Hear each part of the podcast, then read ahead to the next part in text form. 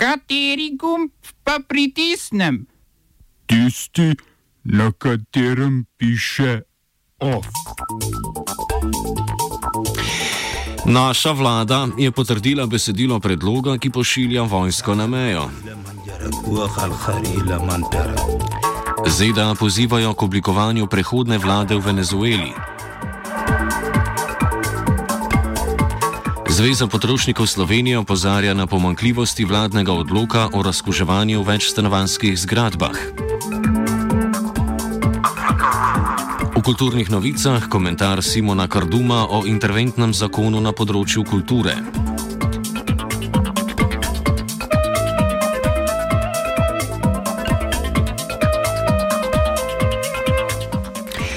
Vlada je potrdila besedilo predloga za aktivacijo 37a člena zakona o obrambi, s katerim bi vojski podelila izredna pooblastila pri širšem varovanju državne meje. Varovanje naj bi se po novem predlogu izvajalo na območju v zračni razdalji 5 km od slovensko-hrvaške meje oziroma do najbližje cestne povezave. Po mnenju vlade varnostne razmere v času zdravstvene krize zahtevajo, da se zaradi zagotavljanja javne varnosti in učinkovitega nadzora zunanje šengenske meje policiji na južni meji pridruži še vojska, ki bo tako predvidoma pripomogla k nezakonitim praksam policije. Ta že zdaj zavrača možnosti podajanja prošen za azil in migrante raje vrača hrvaškim kolegom, ti pa na to posameznike verižno vračajo prek zelene meje v Bosno in Hercegovino.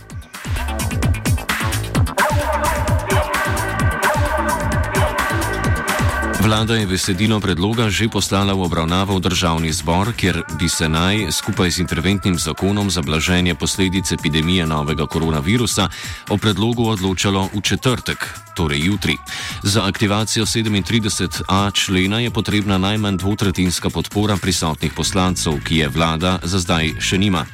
Iz opozicijskih vrst je ukrepom z veseljem prikimal Zmago Jelinčič na čelu stranke SNS, podporo predlogu pa bi lahko izkazali podpisali tudi nekateri poslanci stranke LMŠ, a je ta za zdaj še na ravni ugibanj. Medtem ko se v SAB in SD o pošiljanju vojske na mejo še niso dokončno predelili, v levici ukrepom jasno nasprotujejo. Za vse, ki jih obmislili na ponovno vojaško patroliranje na meji zmrazi, pa še to lažba. Gre za časovno omejen ukrep. Vojska bo v primeru podpore v parlamentu državo pred virusom stražila samo tri mesece če se ga ne odločijo spet podaljšati.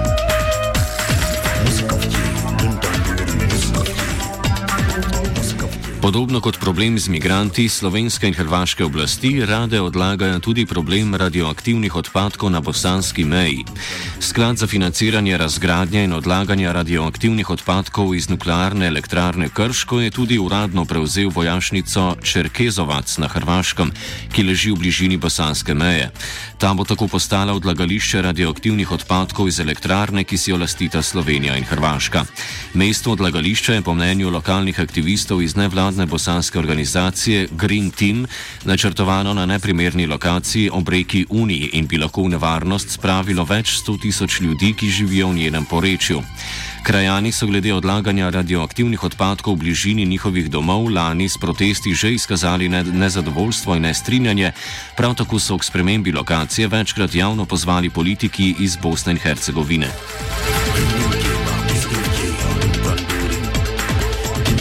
Združene države Amerike še naprej izkazujejo svojo skrb za vrnitev demokracije v Venezuelo. Kljub vse bolj kritičnim razmeram v državi, ki jih je povzročila epidemija, administracija Donalda Trumpa ni pozabila na svoj venezuelski projekt, s katerim nameravajo z položaja odstraniti predsednika Nikolasa Madura. Potem, ko sta zvezdna toživca v Miamiju in New Yorku prejšnji teden obtožila Madura tihotapljenja drog v ZDA, se je ameriški zunani minister Mike Pompeo odločil za spremembo strategije. Pozval je Juana Guaidoja naj se odpove položaju začasnega predsednika Venezuele, kot stopu pa je pozval tudi Madura. Guaido je vodja venezuelske opozicije, ki ga ZDA in 59 drugih držav, med njimi je tudi Slovenija, od leta 2019 priznavajo za začasnega predsednika.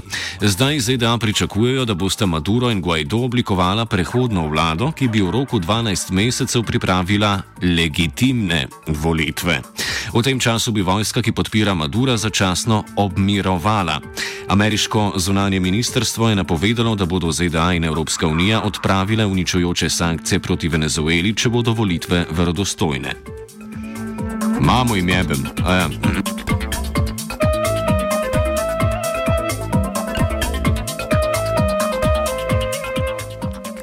Medtem iz Venezuele poročajo, da so državni toživci obtožili Guaidoja poskusa državnega udara in poskusa umora.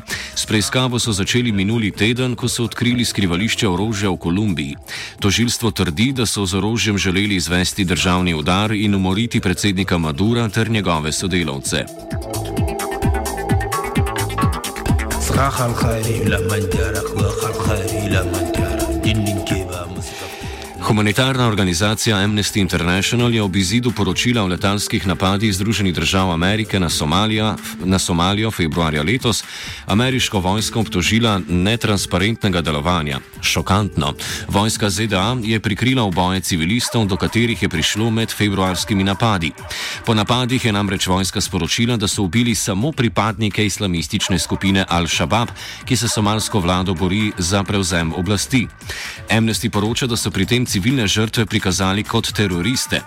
Ni prvič, da vlada Združenih držav Amerike prikriva umore civilistov v Somaliji. V poročilu pred enim letom so bili obtoženi prikritja smrti 14 civilistov v petih različnih napadih, priznali pa so civilne žrtve v zgolj enem od njih. Znanstvena redakcija sporoča: Netopirji zavračajo odgovornost za smrti civilistov zaradi koronavirusa. Gotovo ste že slišali nenatančno poenostavitev, da so za novi koronavirus krivi netopirji. Te nočne živali že sicer ne uživajo največjega ugleda v družbi, čeprav so zelo pomemben del ekosistemov, zdaj pa so dobili še stigmo kužnosti. Zato je strokovna skupina iz Centra za kartografijo faune in flore, Ministrstva za okolje ter Zavoda za varstvo narave pripravila vsebinske podarke na temo netopirskih koronavirusov. Izpostavili so, da gostitelji virusa SARS-CoV-2 niso netopiri, ampak ljudje.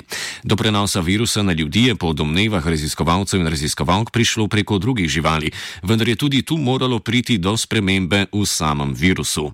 Južnoazijski netopiri, pri katerih so zabeležili podobne koronaviruse kot je novi koronavirus, v Sloveniji ne živijo. Tudi sicer se netopiri stikom z ljudmi najpogosteje izogibajo, zato je za neposredni stik zelo malo možnosti. Netopiri torej ne prenašajo virusa, so pa nepogrešljivi zatiravci škodljivcev in drugih žuželk, kot so recimo komari.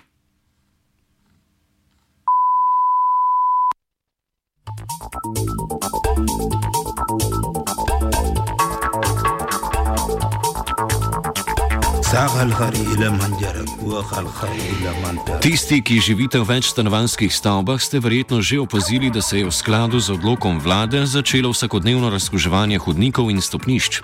Zveza potrošnikov Slovenije je opozorila na pomakljivosti odloka, ki bi moral zagotoviti strokovno izvajanje razkuževanja, a ne na stroške etažnih lastnikov. Prepričani so, da bi tak ukrep za zagotavljanje javnega zdravja morala kriti država. Za zdaj je namreč pričakovano, da si bodo stroške razkuževanja morali razdeliti kar stanovalci, pri čemer mnogi upravniki sploh ne znajo povedati, koliko bodo ti stroški znašali. Odlog med drugim dopušča možnost, da lahko razkuževanje izvajajo kar etažni lastniki ali osebje stanovanjskih upravnikov. Na Zvezi potrošnikov povdarjajo, da ne gre samo za čiščenje prostorov in bi bilo za izvajanje ukrepa potrebno osebje zaščitno opremo in ustrezno izobrazbo.